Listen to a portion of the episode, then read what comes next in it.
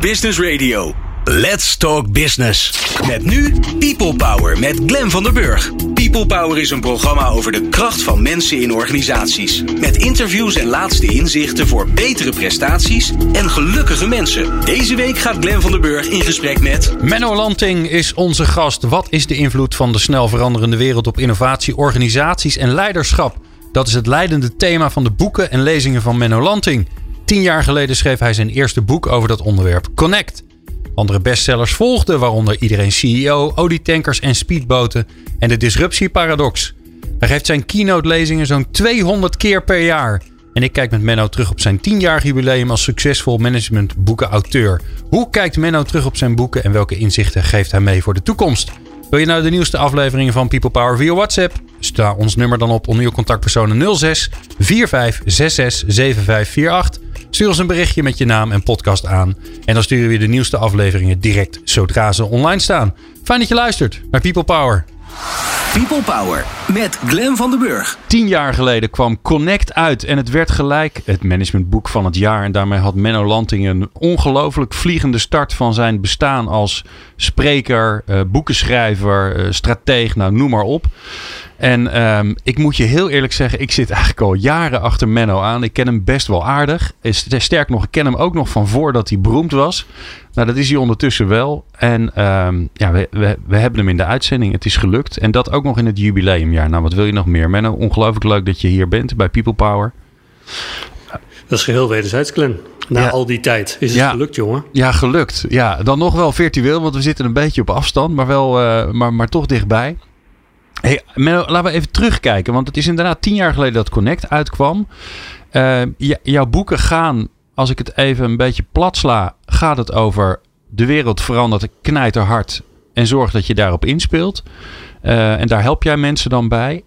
Ja, tien jaar geleden uh, keek je al vooruit naar de impact van sociale netwerken op, op organisaties. Als je nou terugkijkt, wat ehm, ja, wat was toen de mindset waarmee je in, met dit boek begon? Want het was je eerste boek wat je hebt geschreven. Ja, het was het, was het eerste boek. En, en je zei net zo mooi spreker en, en schrijver. Uh, dat idee had ik helemaal niet toen ik ermee begon. Dat is misschien wel goed ook hoor, dat je niet van tevoren al denkt ik ga schrijver worden. Uh, ik werd eigenlijk door, door Harry Starre, jou ook wel uh, bekend, toen ja. uh, directeur bij, de, bij de Baak op het, op het idee gebracht. en dat was inderdaad, zoals je zelf net zei, de tijd dat, dat echt social media echt doorbrak. Je, je, had al wel wat, wat, wat, wat, wat voorlopers die er al mee bezig waren, maar zo rond die tijd werd het echt ja, zeg maar mainstream.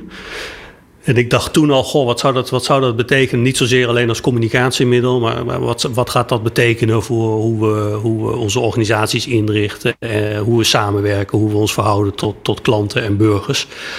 Uh, en ik heb me daartoe in verdiept. En het is eigenlijk wel grappig, want ik heb het net zelf ook weer terug uh, zitten lezen, omdat ik met een nieuw boek, nieuw boek bezig ben. Ja.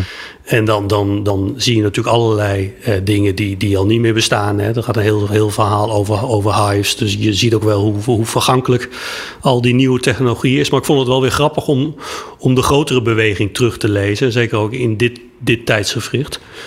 Dat we technologie gebruiken om steeds meer eh, elkaar weer, eh, weer te vinden, om, ons te verbinden. Uh, en ik werd ook wel getroffen door, door het optimisme waar ik het toe mee geschreven heb. Hè? Een, een soort, soort instrument voor de mensen om, om elkaar te vinden. misschien wel de macht over te nemen van instituties.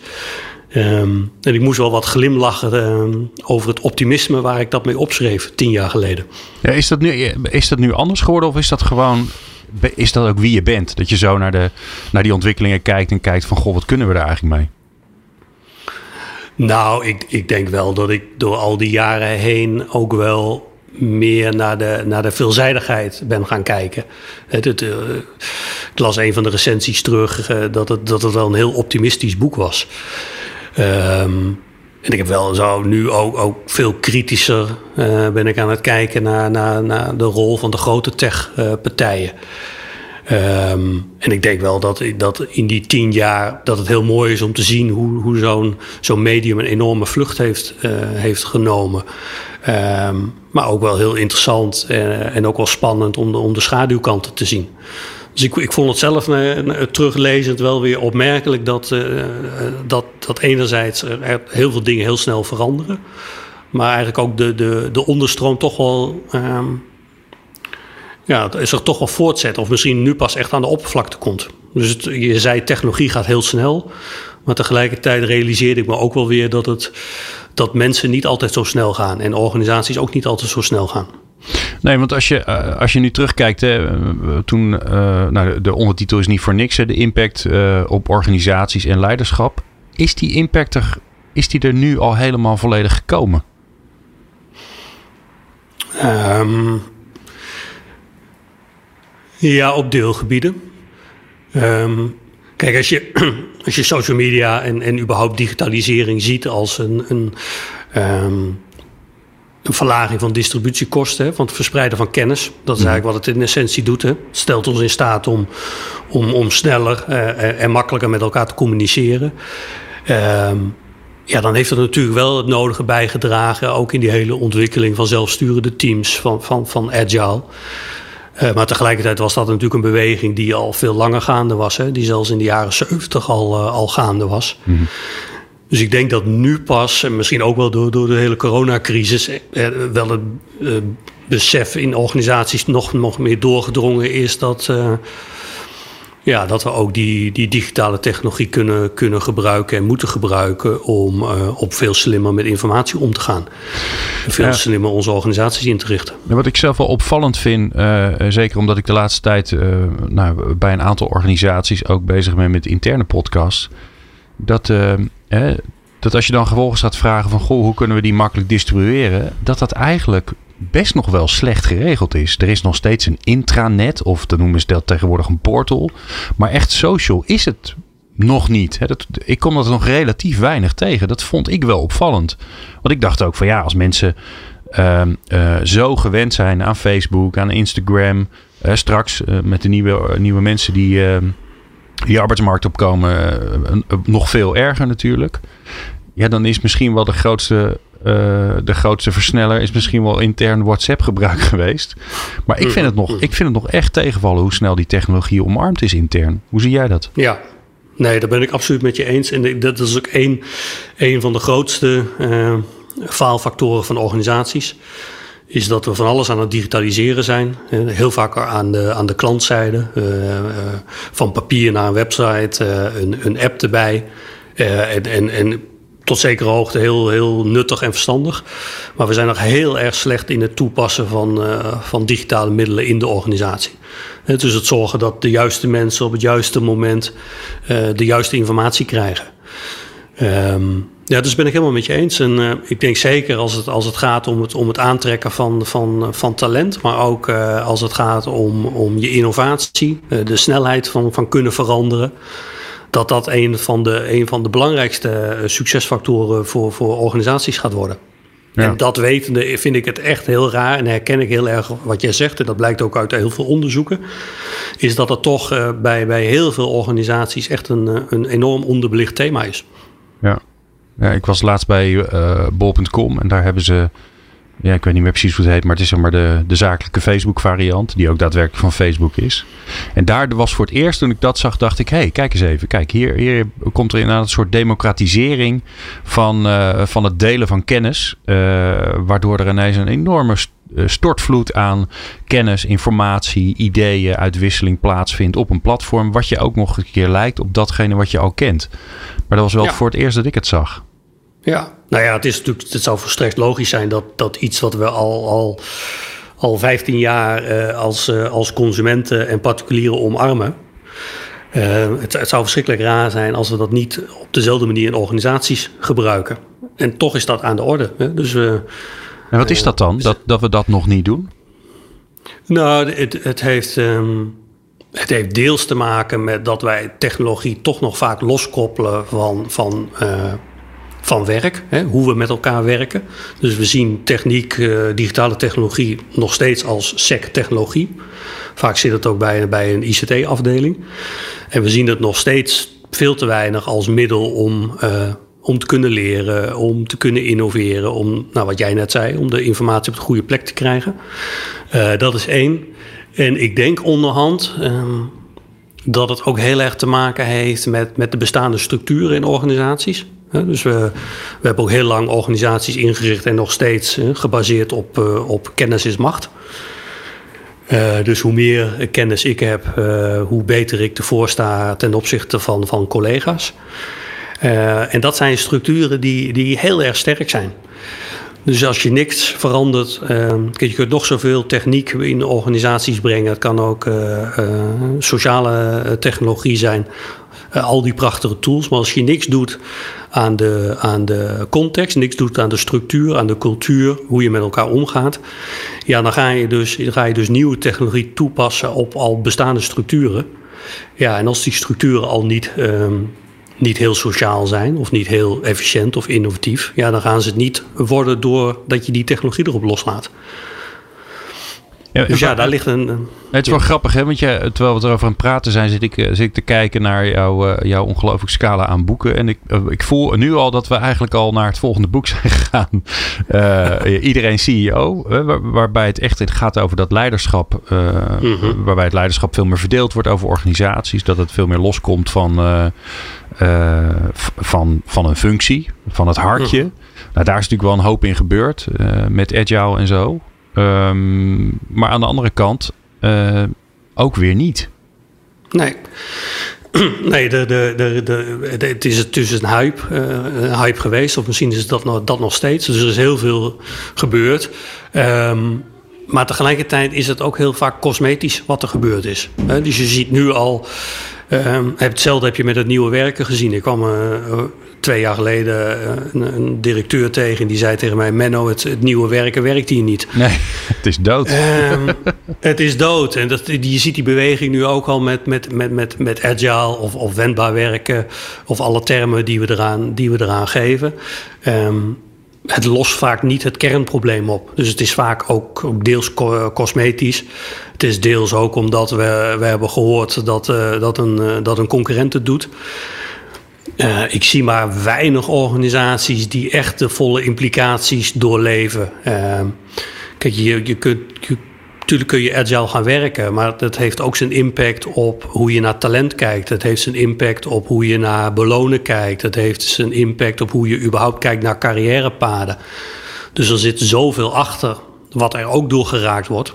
Ja, ja. dat zijn vaak zaken die, die onvoldoende geadresseerd worden. Dus ja, dan dan ga je met een slecht, slecht gebouwd uh, zeiljachtje ga je proberen een, uh, een, een wereldcruise te maken. Ja, dat gaat niet worden.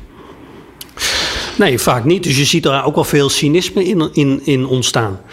Uh, wat we natuurlijk ook zagen bij het nieuwe werken, dat, dat iedereen zijn werkplek opgaf, behalve de, de directie. Ja, dat, dat zie je op, op heel veel plekken. Dus het is dan.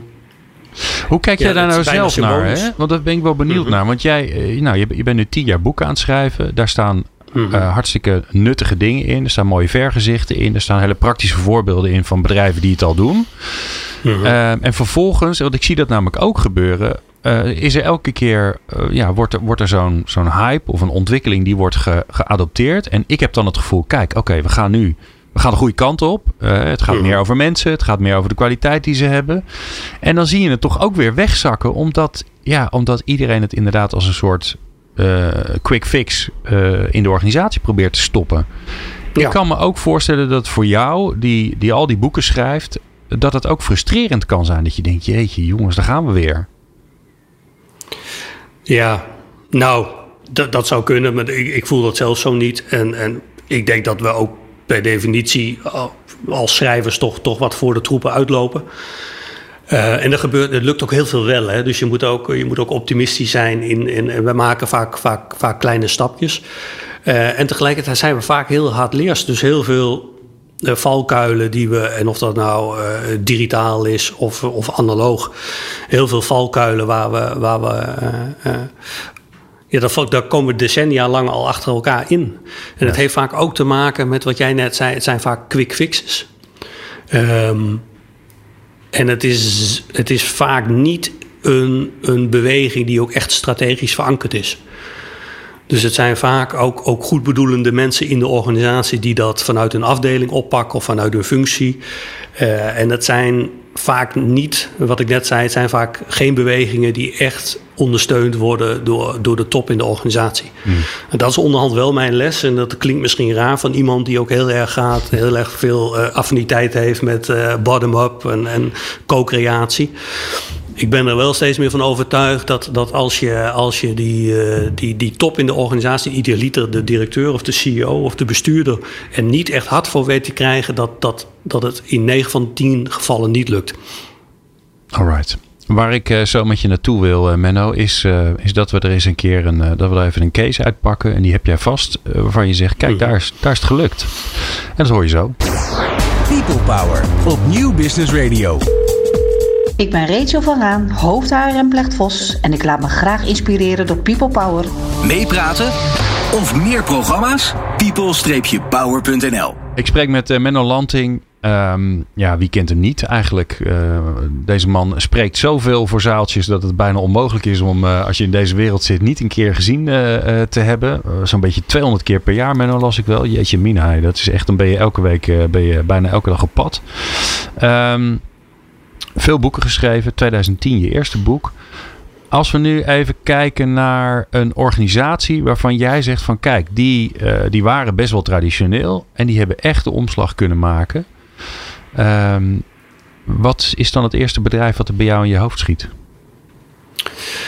Um, ja, dan denk ik aan een aantal bedrijven, maar dan denk ik toch als eerste aan Philips. Oké. Okay. Uh, en het, het, geval met, met best cases is altijd dat, dat, welk voorbeeld je ook noemt, er is direct ook een bak aan ellende mm. te benoemen. uh, en dat is ongetwijfeld bij het, bij het, uh, het, geval van, van Philips ook. Maar toch vind ik dat, zeker als, als je naar de wat grotere bedrijven kijkt, je hebt vaak ook wel wat kleinere bedrijven die, die vaak makkelijker zich kunnen aanpassen, omdat ze simpelweg nog niet zo lang bestaan. Um, maar Philips vind ik een voorbeeld van een organisatie van nou, meer dan 100 jaar oud. Die toch tegen, tegen alle klippen op uh, zich echt aan het, aan het veranderen is. En ook echt wel elementen van de, van de nieuwe tijd uh, meeneemt. En, en, en waar zie je dat dan in? Want ze hebben natuurlijk hele grote stappen gezet door delen af te splitsen. Uh, veel duidelijkere keuzes te maken volgens mij de laatste tijd. Dit gaan we niet meer doen. We gaan ons focussen op uh, al die healthcare dingen waar ze nu in zitten. Mm-hmm. uh, is dat het dan? Zijn dat dan de strategische keuzes die ze maken waarvan jij denkt van kijk daar is het... Daar zit een, een echt een visie achter? Nou, er zit, er zit zeker een, een, een visie uh, achter. Ik heb uh, voor een van de boeken Frans van Houten, de CEO, uh, geïnterviewd, een tijdje geleden. En die zei toen al tegen mij in een, zei die heel mooi, volgende zinsnede, in een connected wereld gaan wij het alleen overleven als wij een connected organisatie worden. Hm. En het ging mij nog niet eens zozeer om de beweging die zij naar healthcare hebben gemaakt. Wat al een interessante is. Hè? Is dat je je veel meer op, op toegevoegde waarde en, en software en data richt dan sec het maken van spulletjes. Dat is al een interessante beweging. Maar wat ik vooral interessant vond, zat hem in, in de zinsnede die ik, die ik net uh, uitsprak. Is dat. Um, dat Frans en, en ik denk ook de leiders waar hij mee werkt, zich heel erg realiseert dat je dus juist moet doen waar wij in het eerdere blokje het over hadden. Dus dat je er echt voor moet zorgen dat je niet alleen de randen van je organisatie innoveert, maar ook de organisatie zelf. En dat je daar dus ook uh, vooral moet kijken naar, uh, naar de stromen van informatie. En ervoor zorgen dat de juiste informatie op de juiste plek op de juiste tijd komt. En dat hebben ze eigenlijk er jaren geleden al er grote ingrepen in gedaan. Zowel qua technologie, dus slimme, slimme tools om samen te kunnen werken. Om veel minder afhankelijk te zijn van de hiërarchische structuur. Uh, maar ze hebben ook echt in de, in de structuur zelf ingrepen gedaan. Veel minder managementlagen. Uh, een beloning niet zozeer gericht op individuen, maar op teams. Andere carrièrepaden. Veel mensen van buiten binnengehaald. Dus ik vind dat voor, voor een organisatie met zoveel medewerkers Um, en zo'n rijke historie, hè, ook nog eens een keer. En zo'n rijke historie, dus en, en, en heel veel succes. Hè? Dat is natuurlijk de valkuil van heel veel langer bestaande organisaties. Is dat uh, uh, ze gaan vaak niet onder aan een crisis, maar vooral ten onder aan hun eigen succes. Hm.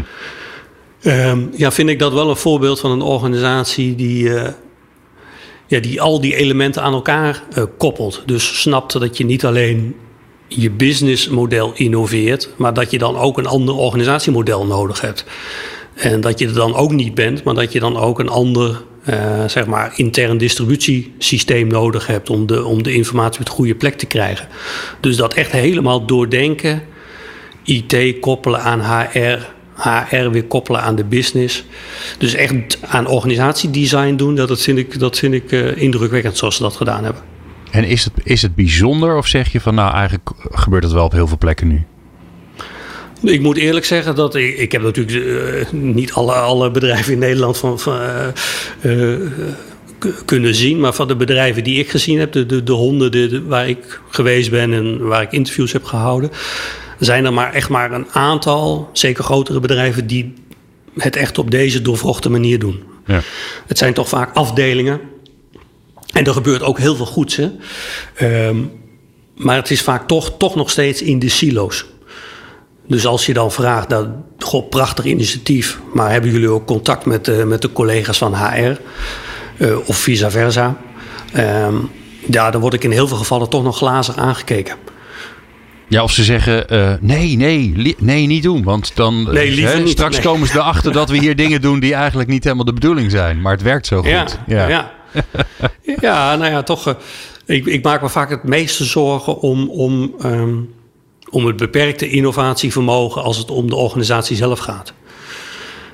Um, ja, zit daar uiteindelijk nog steeds de. Hè, want dat, dat, zie, dat zie je natuurlijk terug ook als je door je boeken heen kijkt. Mm -hmm. Zie je ook terug dat jij toch wel. Uh, ja, dat je, je boodschap is. Uh, er zit zoveel meer in die organisatie. Uh, er zit zoveel meer innovativiteit. Er zit zoveel meer kennis. gebruik dat. Ja, ja, maar daar ben ik ook stellig van overtuigd. En, en, uh, en het, fascinerende is, als je aan, aan, groepen dat vraagt, dan beaamt ook 90% dat. Ja. Maar zelfs als je dat aan individuen vraagt, van goh, haalt, haalt, kun je op je werk nu al je kennis en passie en kwaliteiten kwijt, dan zegt het merendeel ook dat, dat dat niet het geval is. Dus het is iets wat we, wat iedereen herkent, bijna iedereen herkent. Um, wat eigenlijk ook van alle tijden is. Want als je onderzoeken terugkijkt van 30, 40 jaar geleden, zie je dat, zie je dat ook. Uh, alleen wat fascinerend is, ja, we hebben nu meer tools dan ooit om al die kennis en kunde kwijt te kunnen. Hè? Want dat is wat jij ook doet, of wat wij nu ook doen. Ja. Dit, de, dit had uh, 30 jaar geleden had dit niet gekund. Uh, dan, dan was ik naar Radio 1 gereden om daar een interview te doen. Ja. En dat fascineert mij nog steeds mateloos. Want ik denk, we hebben al die mogelijkheden. We doen het niet. en we doen het niet. Doen en het, niet. Uh, het, het, het, het, gebeurt niet. En ik kom toch steeds meer op. Uh, er is de, de, laatste tijd ook veel geschreven over uh, psychologische veiligheid. Hè? Ja. heel interessante beweging. En ik kom toch steeds meer op dat soort thema's uit. Is dat. Um, het is natuurlijk prachtig, hè? Die, die democratisering van informatie. We kunnen allemaal participeren. Iedereen kan meedenken over de strategie. En tegelijkertijd is het voor heel veel mensen ook heel spannend. Dus, uh, dus de, de, de, traditionele structuren uh, hebben ons, en in veel gevallen doen ze dat nog steeds, hebben ook heel veel kaders gegeven, heel veel zekerheid. Ja. En dat is denk ik iets wat we ook heel vaak, zeker ook veranderkundigen en mensen die daar bezig zijn met al die transities, vaak denk ik wel vergeten. Um, dus we, we, we, moeten ook heel erg vermoeden, want het zou ook enorm helpen als we kijken naar, naar hoe we mensen ook, ook ruggensteun kunnen geven. Um, ik denk dat we in organisaties mensen veel meer moeten opleiden uh, en moeten helpen in, in de transitie naar deze, tussen aanhalingstekens, nieuwe tijd. Dus ik denk dat het er allemaal wel zit, maar dat we vaak denken, nou ja, wat jij zei met een quick fix of met een programma of met een consultant, uh, dan zijn we er wel. En ik heb ook het idee, Menno, want dat hoor ik, hoor ik je nu eigenlijk ook zeggen, dat als ik zo door, door, door jouw boeken heen kijk, dat er bij, bij olietankers en speedboot een soort omslag was van het is allemaal fantastisch en het moet allemaal anders naar. Nee, er zijn eigenlijk gewoon meerdere waarheden. Uh, zeker ook hè, uh, jouw boek over, over disruptie. Dat vond ik ook mooi dat je zei: jongens, kom op. Hey, het, het hoeft allemaal niet morgen allemaal anders. Hè. Uh, het, je kunt ook rustig innoveren. Het, het, het, is niet het een of het ander. Het is het een en het ander. Zie, zie ik dat goed? Ja, dat, dat, dat, zie je goed en daar, daar geloof ik ook steeds meer in. Dat maakt het ook direct heel moeilijk, hè? want je moet dan in één keer van alles doen. Ja. je moet en de bestaande olietanker in de vaart houden. Ehm, maar ja, tegelijkertijd, je moet ook wel vernieuwen en innoveren. je moet dat met verschillende generaties doen. Dus het, is ook, het gaat ook steeds meer om het managen van complexiteit. het is veel minder overzichtelijk. We worden vaak ook wel gek gemaakt. Hè? En we moeten hmm. dan ook keer allemaal wat met blockchain. En we moeten allemaal iets met artificial intelligence. Ja, want morgen kun je overbodig zijn. Ja, en, um, en dat zijn ook altijd dezelfde voorbeelden. En daar heb ik me ook schuldig aan gemaakt. Of schuldig, maar dat heb ik ook gedaan. Ja. Uh, de Airbnb's en de Ubers. Ja. En tegelijkertijd voor, voor, voor 99% van de organisaties gaat heel veel van wat daar gebeurt in al die voorbeelden gaat niet op. Die, die, die worden niet eh, gefinancierd met een, met een paar miljard eh, dollar. Uh, die moeten wel morgen winst maken, de gemiddelde organisatie. Uh, en die wereld die verandert snel, maar ook weer niet zo snel. Hè? En, en, dat, is die, dat is de complexiteit. En heel veel organisaties um, ja, hebben ook niet heel veel manoeuvreerruimte om iets anders te doen. Ja, je bent een bakker en dan bak je brood en dan verkoop je. Ja. Um, of je bent een bouwbedrijf. Dus heel veel van die vernieuwing, van die nieuwe technologie, daar kun je helemaal niet leidend in zijn. Dat, dat overkomt je en dat ga je al dan niet langzaam uh, adopteren. Nou, en, sterker nog, uh, het, kan zelfs, het kan zelfs gevaarlijk zijn. Hè? Want als je te vroeg bent, dan, uh, ja, dan, dan betaal je eigenlijk de prijs van innovatie. Namelijk dat je vooraan in die groep zit en dat iedereen zegt: Wauw, wat gaaf wat je aan het doen bent. Zeg ja, fantastisch. Ja, je verdient er alleen geen geld mee. Nee, nee. nee maar ik was zelf in 1998, 1999, zo lang geleden al, betrokken bij de opzet van een van de allereerste e-commerce bedrijven in, eh, in Europa. Ja. Uh, en als wij tien bestellingen per dag hadden vanuit heel Europa, je kon ze gewoon tellen. Je kon ze gewoon, eh, er ging een pingetje op de, op de computers als er een bestelling binnenkwam. Als wij tien bestellingen hadden, dan kregen wij van het hoofdkantoor champagne. Ja. En ik geloof dat wij, ik weet niet de exacte cijfers, maar ik geloof dat wij uh, vorig jaar met z'n allen uh, meer dan 25 miljard uh, online hebben gekocht in Nederland alleen al. Dus, maar zo zie je ook, dus dan duurt het, nou ja, dan duurt het meer dan 20 jaar voordat zoiets. Nou, het is nog niet eens mainstream, want ik weet niet hoeveel mensen er online bestellen. maar het merendeel gaat dan gewoon naar de, naar de supermarkt toe. of naar de blokker. Ja. Dus dat heb ik ook wel geleerd. Is, ja, wij moeten ons ook niet gek laten maken. Of ondernemers of managers door, door de mensen die maar voortdurend roepen dat alles verandert. Um, kijk, heel veel van de, van de verandering gaat ook, ook geleidelijk. En er zijn altijd uh, partijen, die, bedrijven die verdwenen en er komen, er komen weer nieuwe. Um, wanneer was dat, wanneer was dat moment voor jou dat je dacht ja, ja, het is niet meer. En want want eh, als, je, eh, als ik een beetje terugga, dan, dan was Connect toch echt van: God, er gaat heel veel veranderen. En beware, want het komt eraan. Uh, Misschien iedereen CEO ook nog wel. En langzaamaan zit er een soort van. Ja, meer wijsheid in. Het nadeel daarvan is, kan ik me best wel voorstellen voor jou als spreker, dat het voor, voor het publiek veel leuker is om te horen: het wordt allemaal anders, ga dit doen en dan komt het goed. Dan dat je zegt: ja, jongens, het is best wel ingewikkeld, het is complex je moet een beetje van dit. Je, moet, je bent eigenlijk op 14 schaakborden tegelijk aan het schaken. Wanneer is dat op die omslag gekomen bij jou? Ja, nou ja, ik, ik doe dit werk ook vooral omdat ik het leuk vind om over dit soort thema's na te denken. En ik vind het ook leuk als, als dat gewaardeerd wordt door het publiek. Ehm, maar ik zit ook niet helemaal in dit vak om alleen maar de boodschappen te brengen die, die mensen leuk vinden om te horen. Nee. Ehm, ja, en die omslag. Ik denk dat het ik denk dat er, dat aan, de, aan de randen van, van, van organisaties. Uh, dat best heel veel verandert. Het is natuurlijk waanzinnig wat er in tien jaar gebeurd is met, met internet, met social media. Het is natuurlijk waanzinnig wat er gebeurt op, op artificial intelligence gebied. Alleen dat is toch voor, voor, nog steeds voor, voor, voor, voor heel veel organisaties en mensen in organisaties nog een, een ver van hun bedshow. Um, ja, en ik denk dat dat, uh, hoe meer ik zelf in organisaties rondliep, hoe meer dat besef indaalde. Hm. Um, en het, het zit hem volgens mij ook in het feit dat, um, daar haalde je zelf net volgens mij ook aan, uh, je hoeft ook niet alles overal te veranderen. Uh, dus dat, dat, dat vond ik zelf aan, aan olietanks en speedboten wel, wel leuk. We hadden nog een, een hele discussie, ook met de uitgever, of de titel moest zijn olietankers of speedboten. Ja. Uiteindelijk heb ik gezegd: nee, het moet zijn olietankers en speedboten. Want het is, het is allebei van waarde. Hè? Dus je hebt, je hebt die, die, die, die grote olietanker nodig omdat er mensen zijn die het heel prettig vinden om in zo'n omgeving te werken. Omdat je nog steeds klanten hebt uh, die op, graag op die manier bediend willen worden. Ja, je weet dat misschien over 10, 20, 30 jaar die olietanker uh, minder groot zal worden. Of zelfs een kans is dat hij op de klippen loopt. Dus ja, je moet ook speedbootjes hebben met nieuwe activiteiten.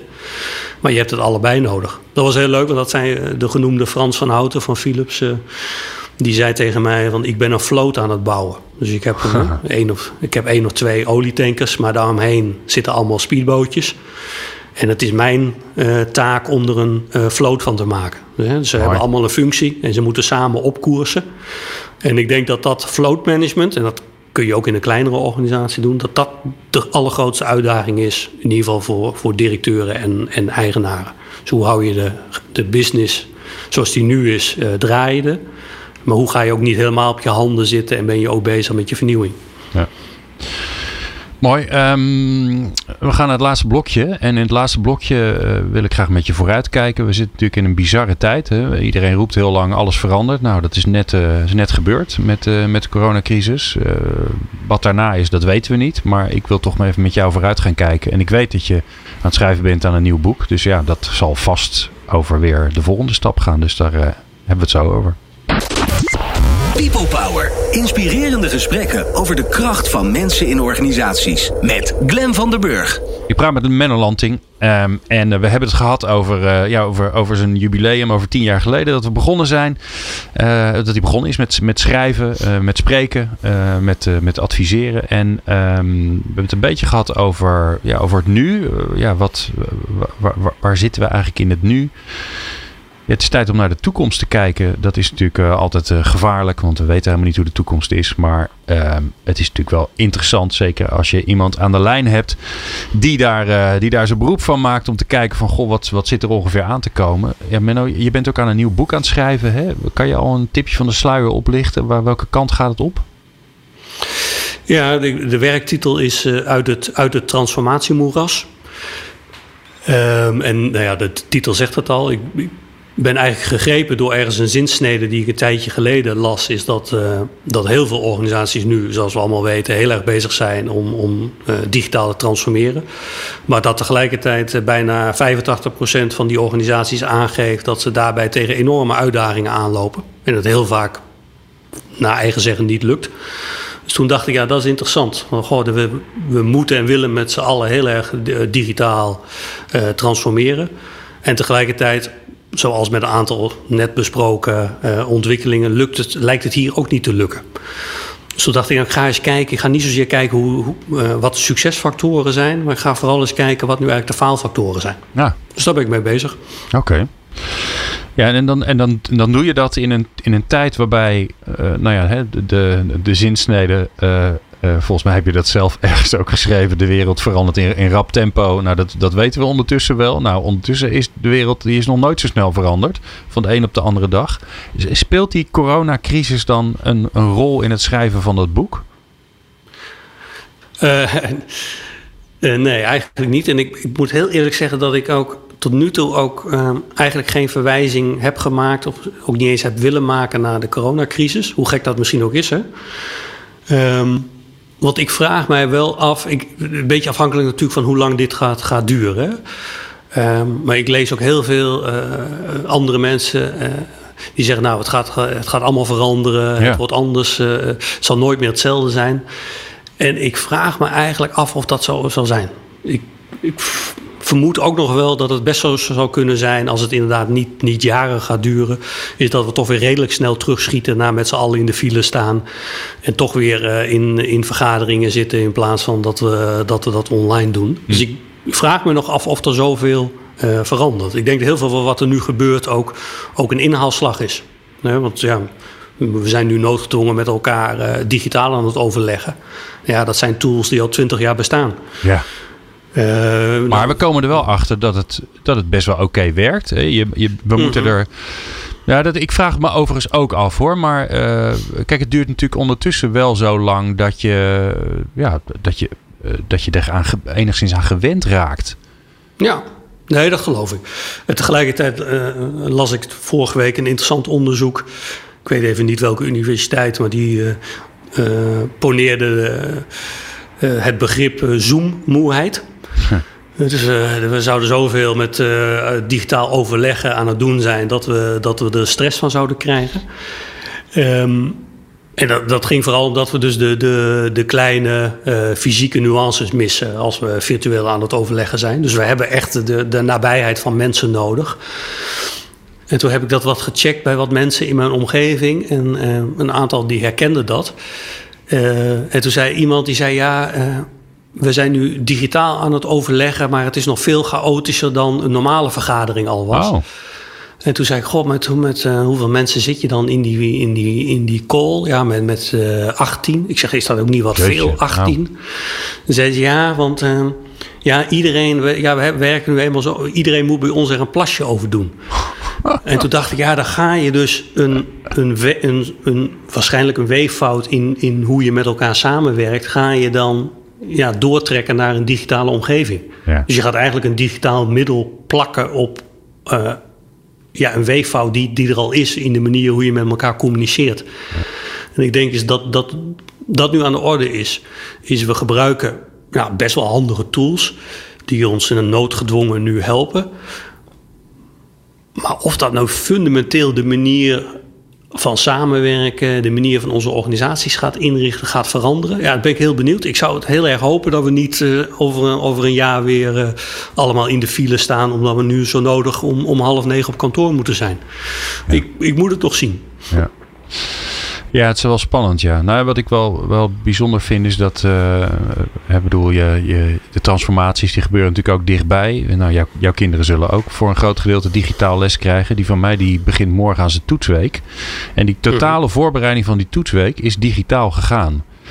Dus stel je voor dat hij nou fantastische cijfers gaat halen. En nou, hij, hij redt het allemaal wel, maar echt, echt briljant zijn zijn cijfers niet. Dat hoeft voor mij ook overigens mhm. helemaal niet. Maar stel je voor dat hij nu ineens hele goede cijfers gaat halen. Dan wordt het wel interessant. Want hoe kan dat dan? Want hij heeft helemaal geen fysiek les gehad. Sterker nog, hij heeft mhm. veel minder les gehad dan normaal. Veel zelfstudie gedaan. Dus dat, dat, vind, dat soort dingen vind ik wel spannend.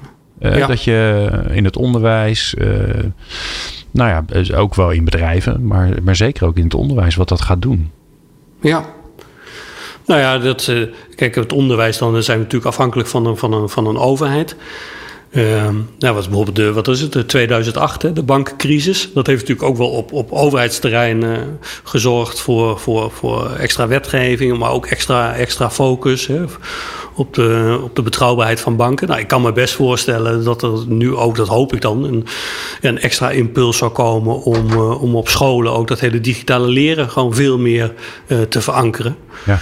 Uh, maar ik denk ook wel dat, dat ja, wij zijn ook dermate gewoontedieren, is dat ik toch ook wel vermoed, wat ik net zei, dat heel veel mensen toch weer terugschieten in de, in de, in de oude reflex. Ja. Ja, en ik, hoop, ja, en ik hoop wel dat, uh, waar, waar ik me vooral zorgen om maak, is of, of gewoon een, een fix aantal bedrijven het, het gewoon ja. het uh, overeind kunnen blijven. Dus dat we. En dat is natuurlijk lastig. Hè? Je, de stelregel is: ja, je moet vooral innoveren in vernieuwen in, in tijden van tegenspoed. Ja, ik zie toch in mijn, in mijn directe omgeving weinig organisaties die nu aan het innoveren zijn. Die zijn echt aan het overleven. Ja. Dus ja, of we dan weer helemaal fris en fruitig die nieuwe tijd ingaan, dat vraag ik me af.